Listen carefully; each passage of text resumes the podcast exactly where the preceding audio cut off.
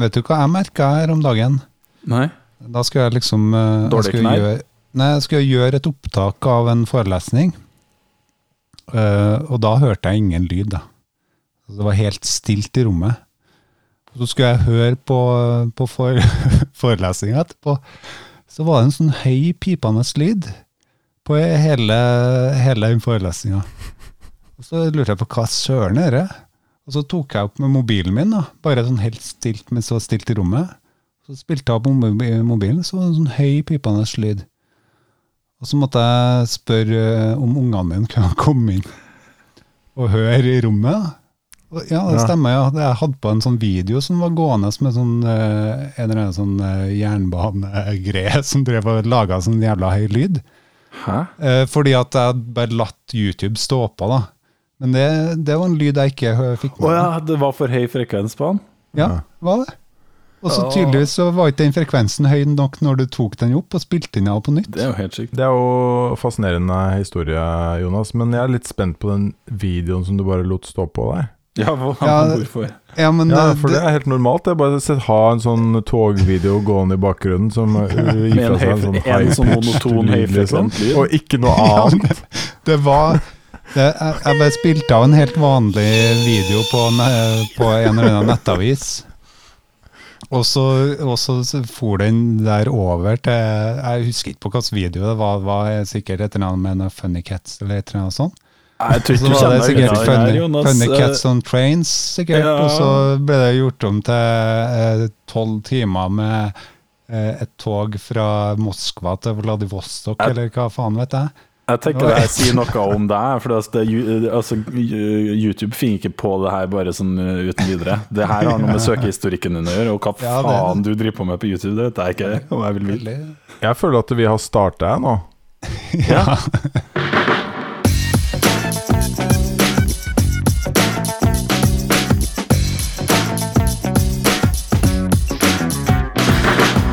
Du hører på Psykologlunsj, populærvitenskapelig lunsjprat med psykologene Tommy, Jonas og Jan Ole.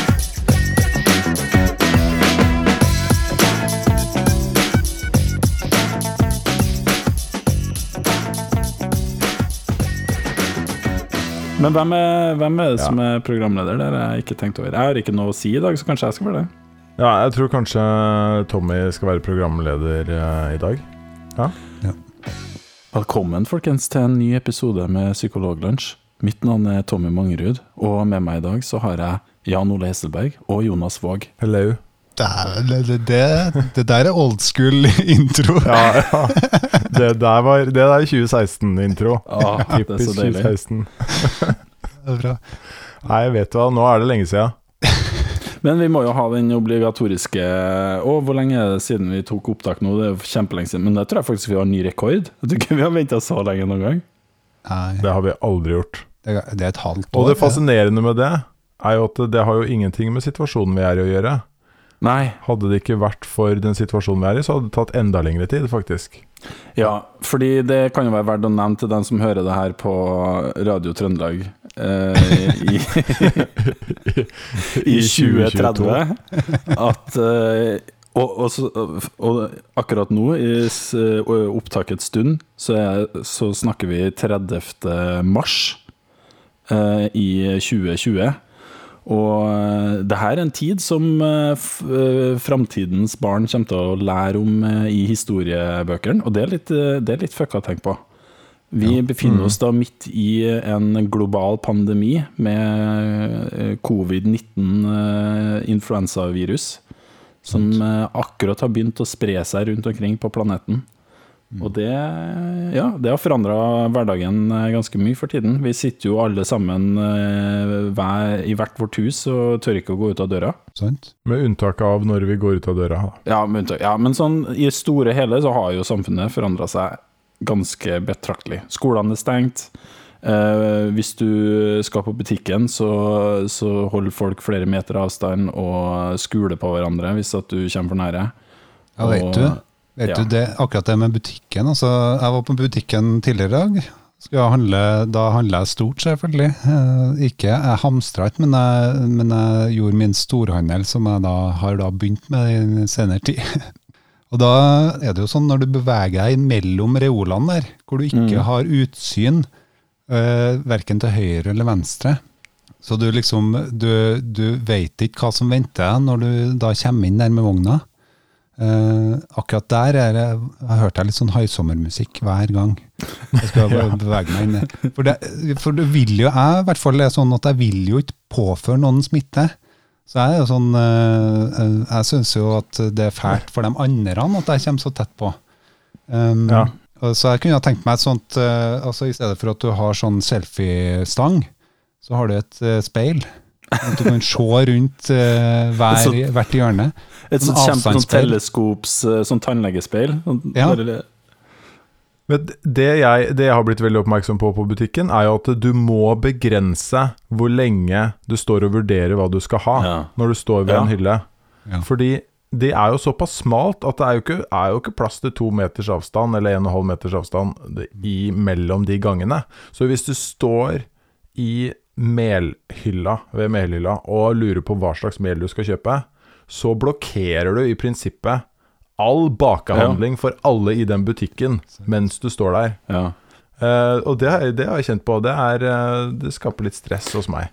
Det, det jeg føler er at Når jeg er på butikken, så føler jeg at Vet ikke om dere husker da dere var barn, så hadde dere sånn derre- sånn spill, sånn lite sånn brett, eh, hvor du måtte litt sånn skyve én og en kloss, og så skulle liksom få til et sånt bilde til slutt. Og det å være på butikken er jo som å leve i et sånt her spill. Liksom, Én må flytte seg til høyre før du kan flytte en så Det er jo, det er jo kjempekomplisert. Det er sant. Og så er en av de brikkene på det spillet, det er eh, bygdeoriginalen. Eh, og de har ikke de helt fått med seg seg ikke. hva som har skjedd. Nei. Og de, de respekterer ikke de grensene, og det skaper veldig mye rabalder i matbutikken. Ja, for, men det er jo også, du føler deg som en idiot, sant? Det her har du gått og liksom dansa rundt, og det er jo sånn labyrint, sant? Kom deg rundt for uten, å, uten å møte på noen andre, og så kommer det en bare sånn, ei faen, jeg går rett igjennom. Ja. Ja. Og sånn er på butikken sånn som man er til vanlig, liksom. Ja. ja.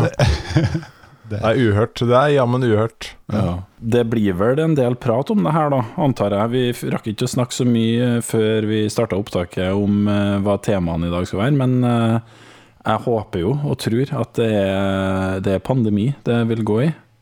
Og eh, sikkert masse betraktninger fra et eh, populærvitenskapelig ståsted med psykologi eh, eh, overtoner, eller undertoner, hva vil dere si? Begge deler. Vi kjører deler. på. Toner. Ja. Men eh, jeg vil jo si at eh, vi skal jo Det er jo sikkert veldig slitsomt å høre alt det er snakk om eh, om det greiene, ikke sant. Det er jo ja, for det nevnes jo nesten ikke i hele tatt til vanlig nå. Nei, overhodet ikke. Så, men, eh, så jeg vil jo si at de sakene vi har planlagt, er eh, relevante for situasjonen vi er i, men ikke dire nødvendigvis direkte knyttet til det. Nei. Nei sant? Mm. Nei, nei, de, Så de kan også brukes i andre sammenhenger. Som for eksempel Nei. Eh, skal, eh, Jonas skal snakke om Hva skal du snakke om, Jonas? Jeg skal snakke om hjemmekontor, psykologiske betraktninger ja, ja. vedrørende hjemmekontor. Eh, og, det, Alltid det, aktuelt. og det tenker jeg blir jo mer aktuelt også etter den perioden her, mest sannsynlig fordi at eh, flere har jo fått erfaringer med hjemmekontoret. Eh, så nå kommer jeg ikke til å høre av kollegaene å ja, du skal på hjemmekontor med GJ. Ja. Eh, du skal Ja. på hjemmekontor. Det, Ja. det vil gi Ja. creds. Respekt. Da. Ja, Ja. respekt. Det har fått høyere status, vil du si? Absolutt. Ja, Nordleik, hva skal du ha?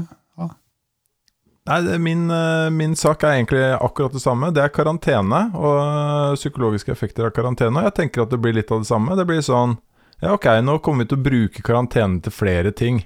Vi ser at det funker bra, så da blir det litt mer sånn Nå har ikke du oppført deg helt sånn som du skal. Nå er det to ukers karantene på deg. Ikke sant? Og du, har du vært på hytta di, to ukers karantene.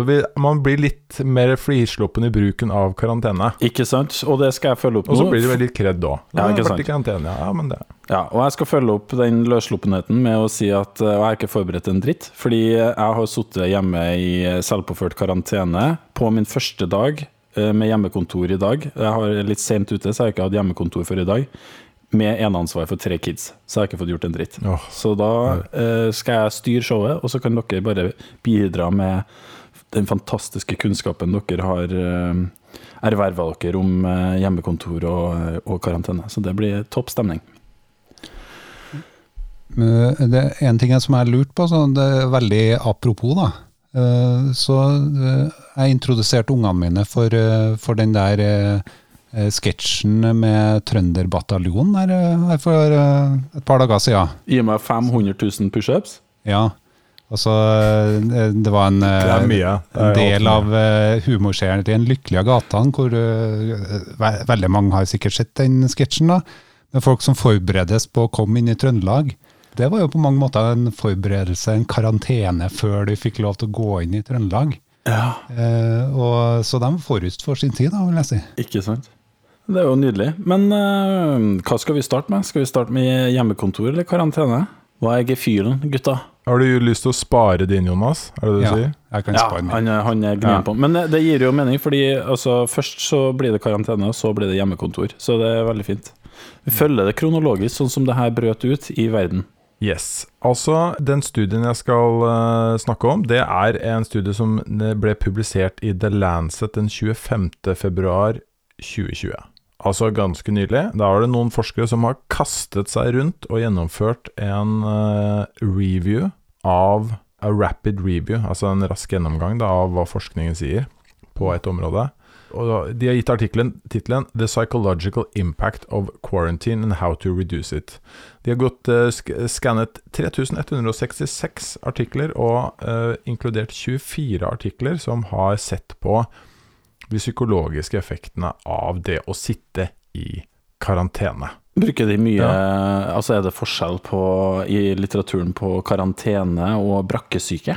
Altså Her har de nok eh, forsøkt å ekskludere alt som har med brakke og syke å gjøre. Ok. Er kanskje, er kanskje brakke, men ikke syke. Jeg vet ikke. Det jeg tror eh, ikke brakkesyke er inkludert. Det er folk som har blitt stengt inne, eller blitt bedt om å holde seg inne, pga. sykdom, som okay. er eh, at du er smittefarlig, da.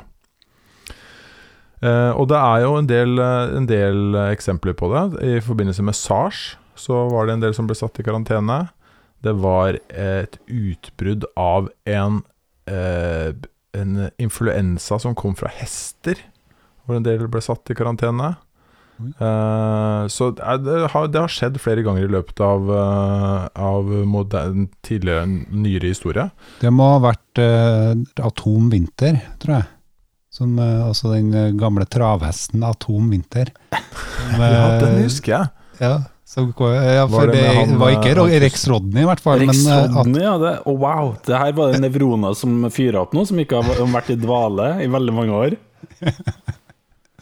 Hvem var det? Var det han eh, Atle Hva heter han kusken? Ja, jeg, jeg vet. Og, og nå, du husker jo sikkert noe om han kusken og som, som gjør at og Man er jo usikker på historien. Det, han rota seg inni, borti noe, han Atle der ute. Eller var det noen andre? noe.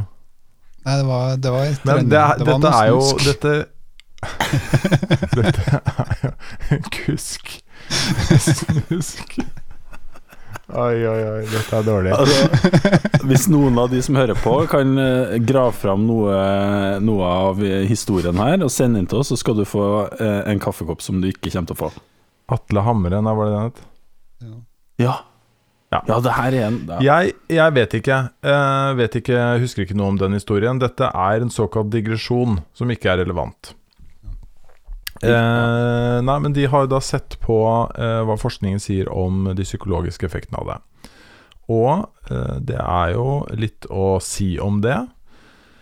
For det første så er det noen da selvfølgelig som, eh, som opplever symptomer på posttraumatisk stress etter å ha sittet i karantene lenge. Oi. Det er ikke så veldig mange. Uh, forvirring, sinne. Uh, men det mest vanlige som rapporteres her, er noe som jeg allerede har begynt å kjenne litt på selv. Det er litt, uh, litt sånn neddempet humør og irritabilitet. Mm. Ja. Kjenner dere igjen i det? Nå er, ikke, nå er jo ingen av oss i karantene, da, men vi har jo, det har jo blitt mye hjemme. Ja. Altså, jeg, For å være helt ærlig, så er i dag er den første dagen jeg har vært ordentlig sånn hjemme. Jeg har ikke Jeg har gått på jobb som vanlig. Jeg har uh, hatt uh, hendene full med ting og tang. Så uh, jeg har ikke fått observert eller fått kjent det på kroppen så hardt ennå. Men jeg tåler jo sånne ting ekstremt dårlig, da. Fordi en av de mest traumatiske tingene som har hendt i mitt liv, var jo en gang jeg skulle ta et fly, og så øh, og, så, og, så, var det veldig lite folk som skulle ta det flyet. Og så ble jeg sittende der inn på flyet. Og etter at liksom de hadde sagt nå må ikke skru av alt av elektronisk utstyr, for det var på den tida der det faktisk måtte skru det av, mm. uh, så sa de at oi, flyet blir forsinka, mens det liksom sto nesten på rullebanen. ja. Og der sto det flyet i tre kvarter, og jeg hadde ingen å prate med, for det var nesten tomt. Og det var så det var så utholdelig å måtte være i den situasjonen og ikke ha noe å foreta seg. Så jeg kjeder jo meg veldig lett. Så jeg er jo ganske glad for at jeg ikke har rukket å vært så mye i karantene og blitt sittende uten å gjøre så mye. For det hadde jeg håndtert ekstremt dårlig. Du er nok disponert for å håndtere det dårlig. Men ja. det som er åpenbart, er jo at det er veldig stor forskjell på tilværelsen i karantene og hvorfor du sitter der. Mm. Så Eh, sånn som nå, f.eks. Eh, de som kommer kom hjem fra en reise i eh, La oss si Danmark, og så må du to uker i karantene, eh, og du ikke føler deg dårlig, og du ikke er i risikogruppen heller. Det oppleves nok ikke som sånn kjempetraumatisk, vil jeg anta. Nei. Mens her har du jo en del I disse studiene så er det jo inkludert eh, helsepersonell som har vært eh, tett kontakt med SARS, og som er utsatt og har større risiko faktisk for å uh, utvikle alvorlige symptomer, uh, de, da oppleves nok karantene fryktelig mye tyngre. Og det mm. viser jo også de studiene her. At når du, du, blir satt i karantene, du vet ikke om du er syk, men du begynner å utvikle symptomer, og du begynner å bekymre deg skikkelig for din egen helse, da er selvfølgelig er det forbundet med mm. større negative utfall. Og så har de også sett i denne studien her på hva er det som Uh, hva er det som forutsier hvordan det går med deg? De individuelle forskjellene, liksom? Ja, ikke sant. Uh, hva er prediktorene for den psykologiske uh, impacten, da? Kan jeg få gjette på noe? Tommy? Ja, du kan gjette. Um, fordi jeg tenker det, det, har sikkert Jeg vet ikke om det er med deg, men det har antakeligvis noe betydning om du blir sittende alene i karantene eller sammen med andre. Vet du om det var en av de faktorene? Det uh, kan jeg ikke huske at det sto noe om der. For det er jo i hvert fall en stor forskjell på folk nå i dag, ikke sant? Og sånn hvis en skal spøke litt med det, så kan man jo egentlig eh, undre seg litt over hvilken retning det går, da. Jeg tenker jo sånn Stort sett så er det jo verre å bli sittende alene i karantene, men det er også å høre mange som klager litt sånn over at man blir gående oppå folk du da egentlig burde tåle ganske godt. Eh, folk du har valgt å tilbringe livet ditt med. Men at man blir gående veldig oppå hverandre. Det er selvfølgelig en belastning, men jeg, jeg, skulle jo tro at det er enklere å gjøre det sammen med noen enn ja, en alene. Men det, det, står det ikke noe om her, så vidt jeg kan huske. Men det det står noe om, er Altså, ulike studier viser litt ulike resultater, så de trekker ikke noen sånn klar konklusjon her. Men én eh, studie fant at de, de, som var yngre, håndterte det dårligere. Eh, de med lavere utdanning Eh, håndterte det dårligere. Kvinner håndterte det litt dårligere enn menn. Uh, og de som hadde ett barn, sammenlignet med de som ikke hadde noe barn, uh, håndterte det dårligere, sammenlignet med de som ikke hadde noen barn, da. Men, og her ser jeg en tendens til at man ikke kanskje helt kan stole på de resultatene, det å ha tre barn, det var, det var bedre enn å ikke ha noen barn. Så de som klarte seg best, det var de som hadde tre barn. Og så var det de som var nest best, det var de som hadde null barn. Og så er det de som hadde verst, var ett barn. Men tror du ikke det er litt sånn uh, at uh, uh, Altså, når du har tre barn, så rekker du ikke å tenke så veldig mye på at det er egentlig ganske kjipt og jævlig. For da er oppmerksomheten så retta mot alt det kaoset som er rundt deg. Det er nok heller noe som tyder på at det kanskje man skal tolke dette her med litt varsomhet. Ja. Og andre studier har sett på det samme. Og ikke funnet, funnet, de samme sammenhengene. En annen ting som, som, nevnes i noen av studiene, er at det å ha og dette er ikke overraskende i det hele tatt, men det hvis du har en historikk med psykiske mm. lidelser, at du har opplevd å ha det en del før, så takler du karantene dårligere enn de som ikke eh, hadde det. Mm. Og så er, er det også da eh, hvor, hvor alvorlige symptomer du har på sykdom når du blir satt i karantene, er også ganske eh, utslagsgivende. Okay. Men det jeg lurer også litt på egentlig nå, da, er jo det for at veldig mange av de som sitter i karantene, i hvert fall på det tidspunktet her, er jo ikke folk som er syke. Eh, Nei. nei. Det er jo folk som man eh, for, for, Man må jo skille litt på begrepene her. For det, nå snakker du om kanskje karantene, sånn som i det her at man blir satt i karantene for ved at man enten har symptom eller man har vært i et risikoområde eller sånt. Og så er det mange som sitter i selvpåført karantene. Um, og det jeg lurer litt på egentlig med den situasjonen vi er i i dag, det er egentlig hvor stor betydning det at det her er et slags sånn globalt fellesskap utgjør. For jeg tenker Når du i de tidligere episodene du nevner her, det her med SARS og dere hestegreia, så er du kanskje en marginalisert gruppe, og nå er du en del av et ganske stort fellesskap. Uh, Og man ser jo en slags oppblomstring av altruistisk atferd, og folk eh, er med i grupper hvor de spør ja, det noe, kan jeg handle for noen, kan jeg lufte hunden din?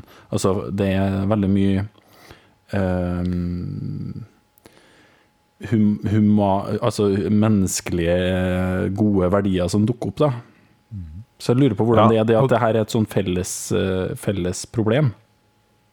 Og der er du, du er inne på noe veldig viktig, fordi det, det de så på her også, var også hvilke faktorer er det som bidrar til eh, Altså hvilke stressorer har du etter at du har vært i karantene? Ja. For det er jo eh, også noe som kan bidra til å forverre effekten av karantene. Hva, hva kommer etterpå? Og der er nettopp en av de tingene som bidrar til eh, økt belastning, er stigma forbundet Mm. med å sitte i karantene. Og det vil jeg jo tro er mye mindre nå enn det det ville vært i en annen situasjon. Ikke sant? Ikke sant? For hvis, la, la oss si det var en, eh, en eller annen rar sykdom som veldig få hadde hørt om, og du måtte si jeg har satt to uker i karantene for en sånn ekkel virussykdom, Mm. så, så blir, er det sikkert en del som føler på at det er vanskelig å snakke om det, og at de, kanskje ikke føler seg sånn eh, som så veldig flidde mennesker, at de kanskje har gjort et eller annet gærent for å få det. Mens nå skjønner jo alle greia, så det er ingen som jeg tviler på at det er mange som vil føle på stigma knyttet til det å sitte i karantene. Ja. Så det forsvinner jo, forsvinner jo helt. Men eh, kan dere gjette på hva som var den største belastningen etter å ha blitt satt i karantene for folk?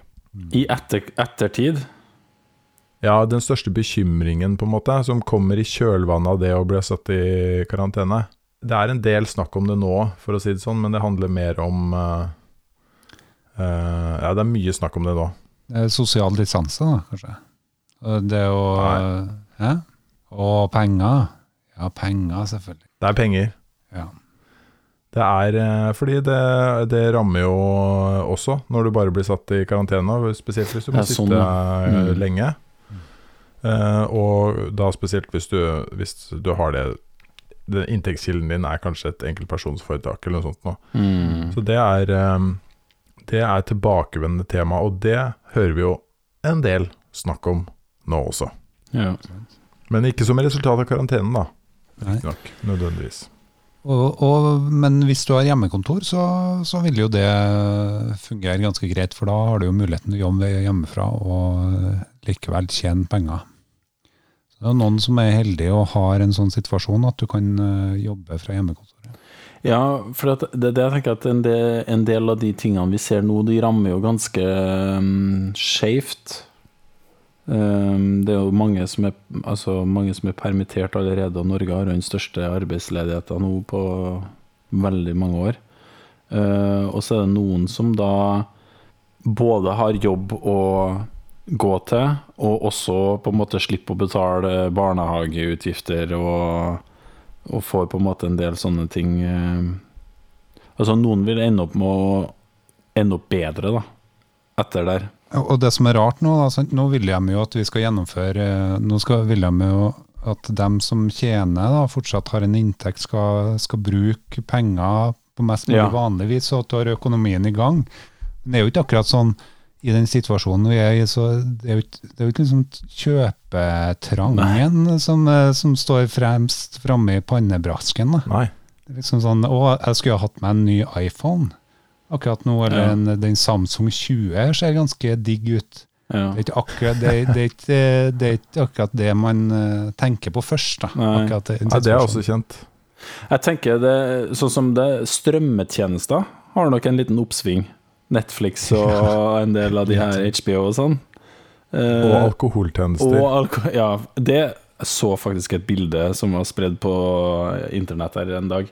Da den første dagen, eh, H-dagen, hamstredagen, den første dagen, så var det masse sånn om, mars. masse sånn om at folk hamra, hams, hamstra masse sånn doruller og sånn, og mel. Og så så jeg en fyr som var på Vinmonopolet med en sånn svær handlekurv fylt til randen av vinflasker. Det var liksom bare Nå går verden i full lockdown, hva trenger jeg nå? Jeg trenger 50 flasker vin. Og han het Jan Ole Heselberg Ja, det gjorde han. Men Det var sikkert eh, altså. da. Ja, det er sant. Du må jo ha ordentlig rødvin når du skal lage eh, god saus. Så Mye saus. Veldig mye saus. Veldig mye saus.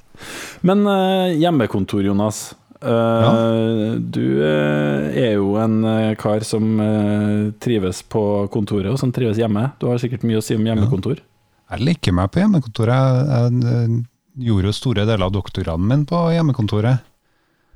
Det gjorde du. Så, så, så det her er litt sånn altså Det jeg skal presentere nå, er litt sånn egenopplevd òg. Det er jo ganske mye relatert eh, Jeg vet både de negative tingene som oppstår på hjemmekontoret, men også de positive tingene ved det.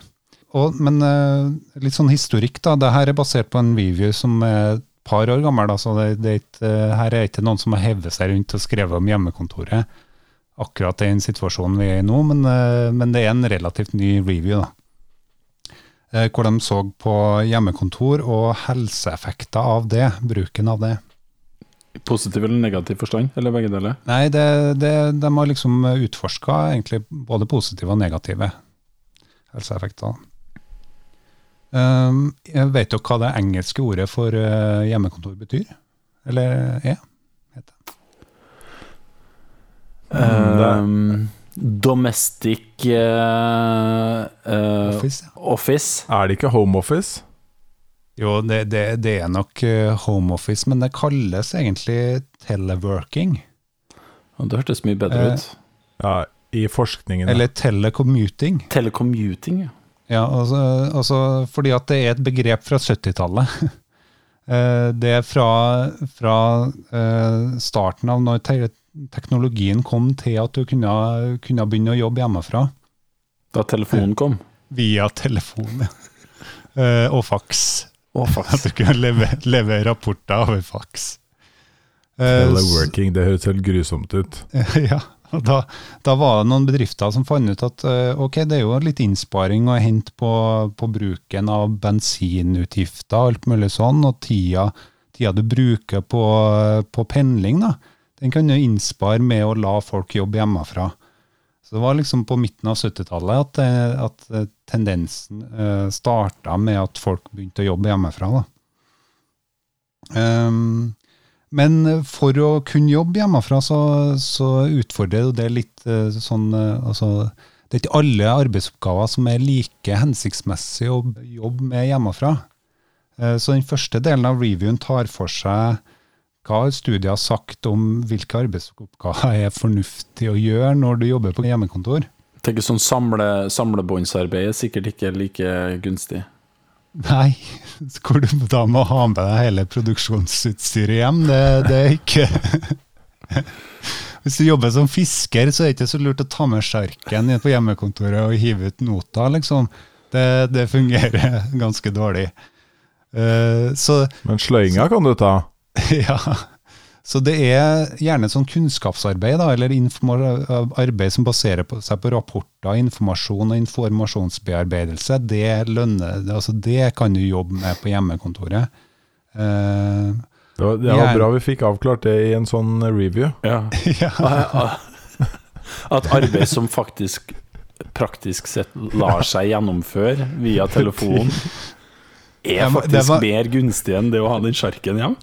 Nå skal, jeg, nå skal jeg passe på å ikke henge ut den reviewen, men okay. nå, nå har ikke de tatt for seg alle yrker, og så, eh, og så er det ikke to sånne checkbox som det er yes, no, og så er det Fisher.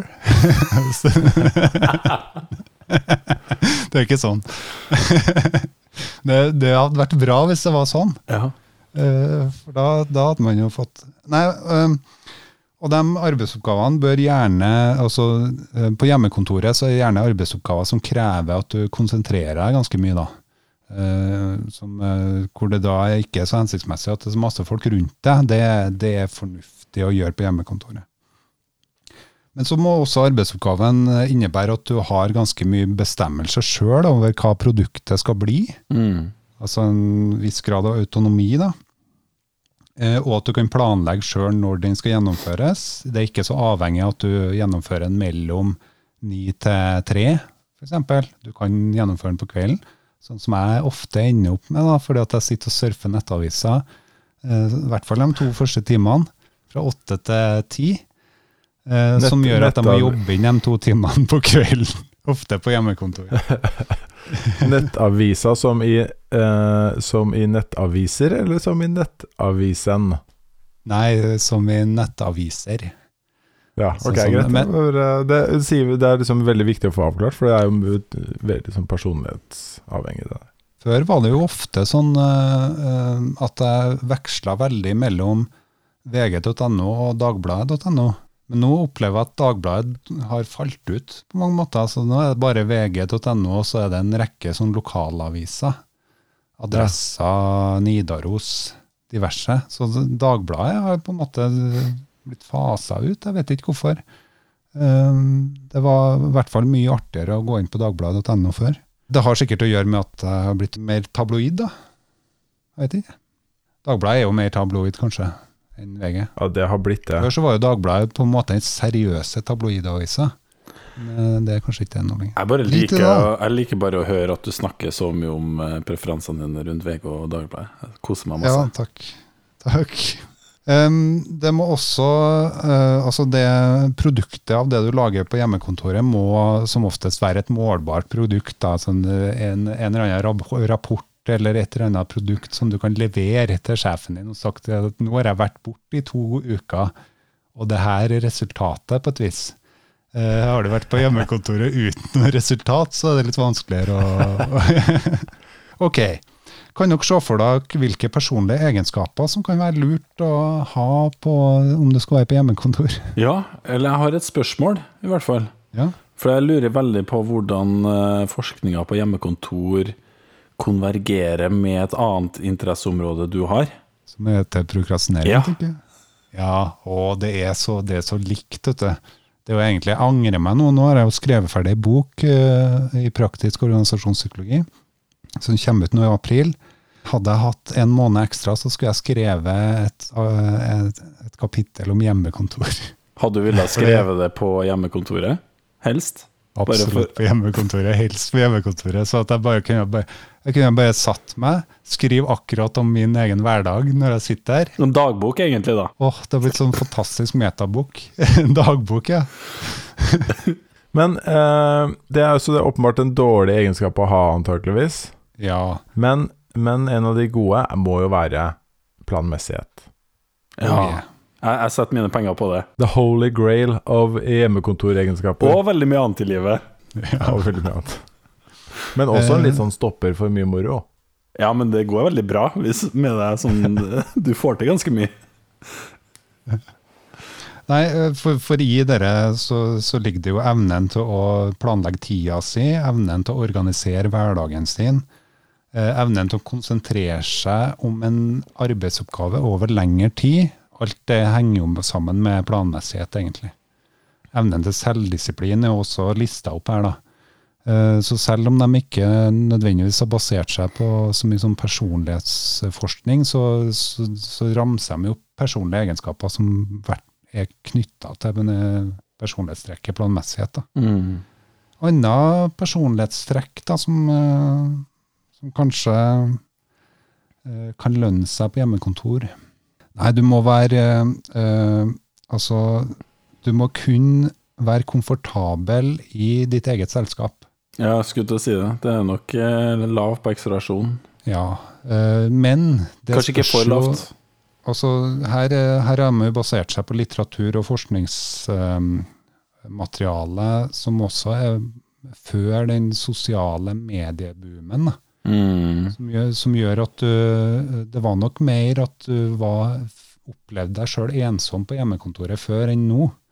Nå kan du jo snakke med alle, mu- mulige folk samtidig som du gjør jobben din. Eh, Så, så den tenker jeg er jo den er jo en sånn følgefeil av langvarig forskning fram til sosiale medier kom. Mm. Um, og det er jo noen som eh, Altså den eh, eh, ekstra ekstra driven du kan ha ved ekstraversjon også, med å kunne eh, eh, ta ville ha eh, masse som skjer rundt seg. Der kan, må man jo, får man jo uh, utbytte av likevel i en medieverden sånn som vi lever i i dag. Mm. Um, det er også eh, for å de personlige egenskapene som lønner seg på hjemmekontoret, er jo at du er en, en som er god på prestasjon. Altså at du, du faktisk har en jevn grad av produksjon. Da. Og at du er til å stole på. lista opp som en personlig egenskap. Jeg vet ikke om det er ment for ledere, eller om, om, det, om det er ment for om hvorvidt du skal vurdere å dra på hjemmekontoret sjøl eller ikke. Ja. Men, Ja. eh, men trustworthiness er liksom lista opp, da. Mm. Eh, men, men vi skal se litt på, på fordeler og ulemper med hjemmekontor. Eh, og det overraska meg litt. Altså, fordelen med hjemme, hjemmekontoret er at du enklere kan balansere hjemme- og familieliv, nei, så arbeids- og familielivet ditt. Eh, og det Kjenner du deg ikke igjen i? Jeg tenderer til å være litt sånn uenig i det. altså. Ja? for... For jeg syns at uh, altså, er det én ting som er sikkert, så er det at hvis jeg sitter på hjemmekontoret, så er jeg jo lett tilgjengelig. Eh, så sånn arbeid-familiekonflikten er kanskje ikke så stor at eh, arbeid går ut over familien. Eh, men, men den andre veien kan Familie-arbeidskonflikten. ja.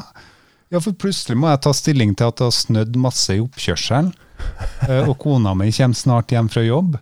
Og skal jeg sitte her og jobbe fram til fire, eller skal jeg gå ut og mokke den oppkjørselen eh, som, Ja. eh, når kona mi kommer hjem? For du skal være sikker på at det Det, Det blir nevnt. vekker- ja, det blir nevnt, ja. Men, men, eh, men Jonas, altså, du bor jo i, eh, i, eh, i Trøndelag, ja. og hvor avstandene er De kan sikkert være store, men hvor langt har du til jobben da? Jeg har en, åtte mil til jobben min. Åtte mil, ja. Ok, da trekker jeg tilbake, da. Men det handler jo eh, det handler, Jeg tror likevel at det handler litt om eh, den avstanden man har til hvor mye man må pendle. Ja. Ja. Hvis, det er klart at desto, desto større den avstanden er, desto mer avlastende er det å kunne uh, være hjemme. Da. Jeg tror mange rundt omkring uh, i verden har et stykke til uh, arbeidet sitt, og sparer Sent. en del på det. Eller jo lenger unna det, jo lenger vekk fra de hverdagslige utfordringene og problemene er det du, du kommer deg, da. Så du kan slappe helt av på, på jobb. Vel vitende altså at du, du trenger ikke å tenke på den oppkjørselen på ganske lenge. Ah, Den, altså den, eh, eh, I den der eh, fordeler og ulemper, så, så er det knytta opp ofte altså, For det, andre studier har også vist, vist at, at det blir en, uh, det blir en utvisking mellom skillelinjene mellom arbeid og familie. da. Ja. Sånn at, eh, sånn at eh, selv om du får en bedre balanse i noen studier, så ser man jo at eh, du kan ha en tendens til å overarbeide, arbeide utover kveldstid, komme innpå noe som ligner på arbeidsnarkomani, Mm. vis, med hjemmekontor. Fordi jeg, jeg, tror, jeg tror ikke også at det har litt Altså det er litt sånn forskjell på Skiller de i denne studien Altså om du da tar en dag eller to hjemme, sånn som vi gjør nå, hvor du da kanskje har en ordinær hjemme Altså arbeidstid, bare at du gjør det i hjemmet.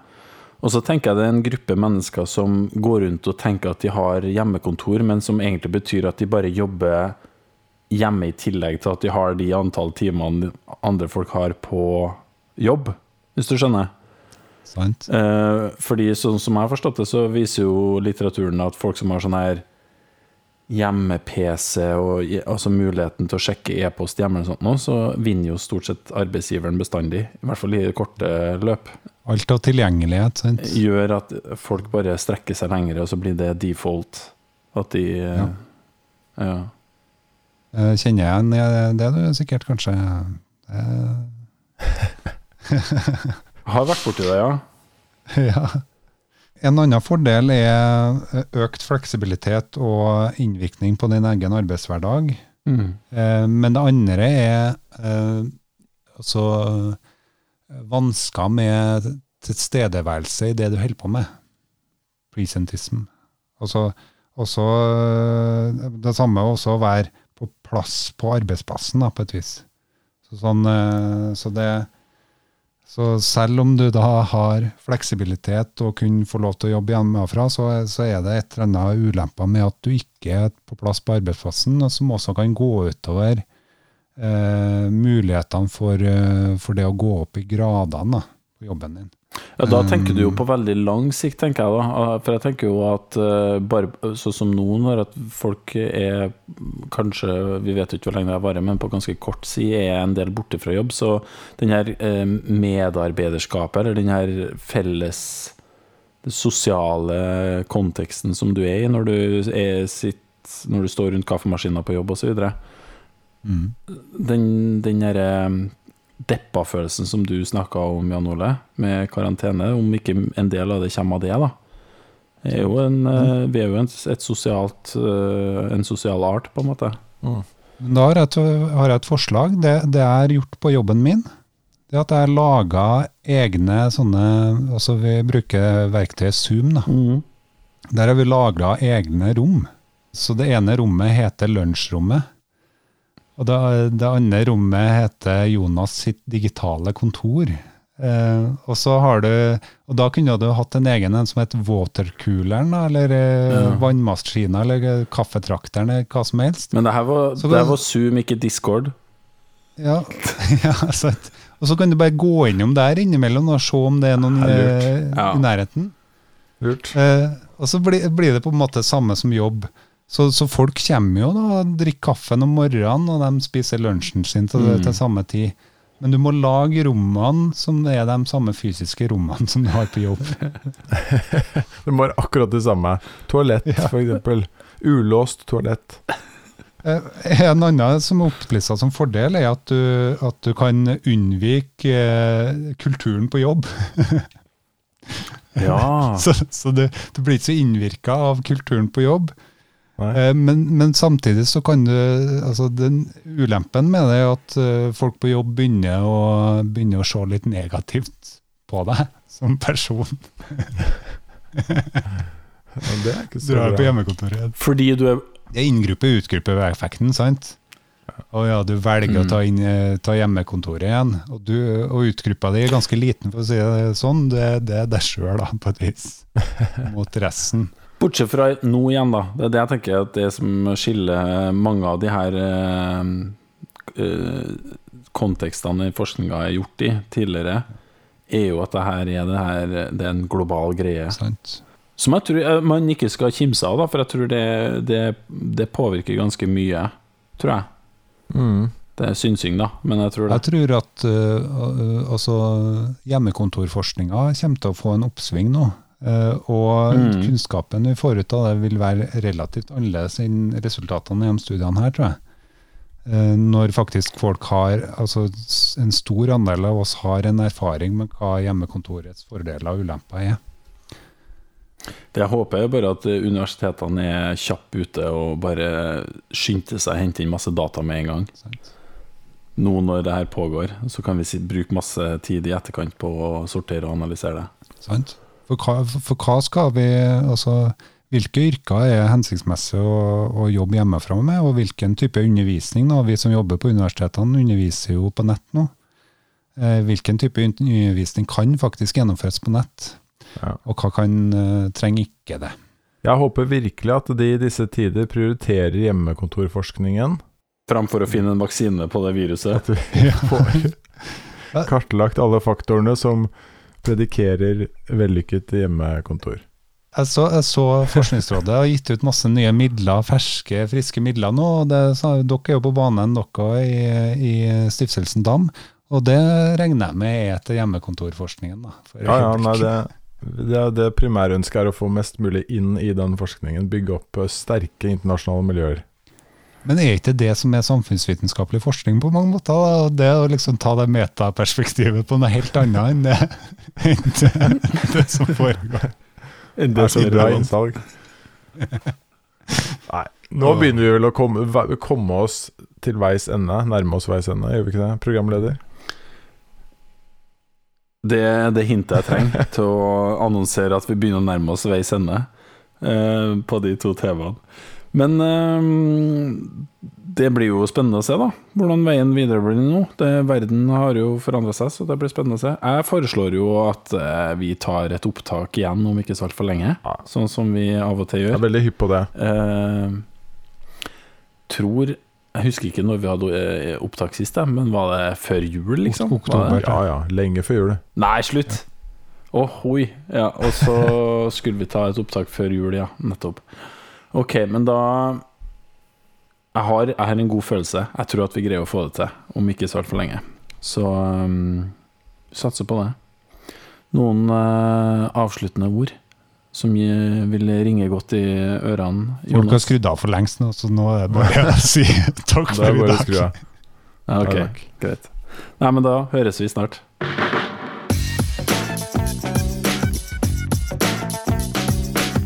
Du har nå lytta til Psykologlunsj. Har du noen spørsmål, kan du søke opp Psykologlunsj på Twitter, eller du kan sende en e-post til psykologlunsj alfakrøll gmail.com.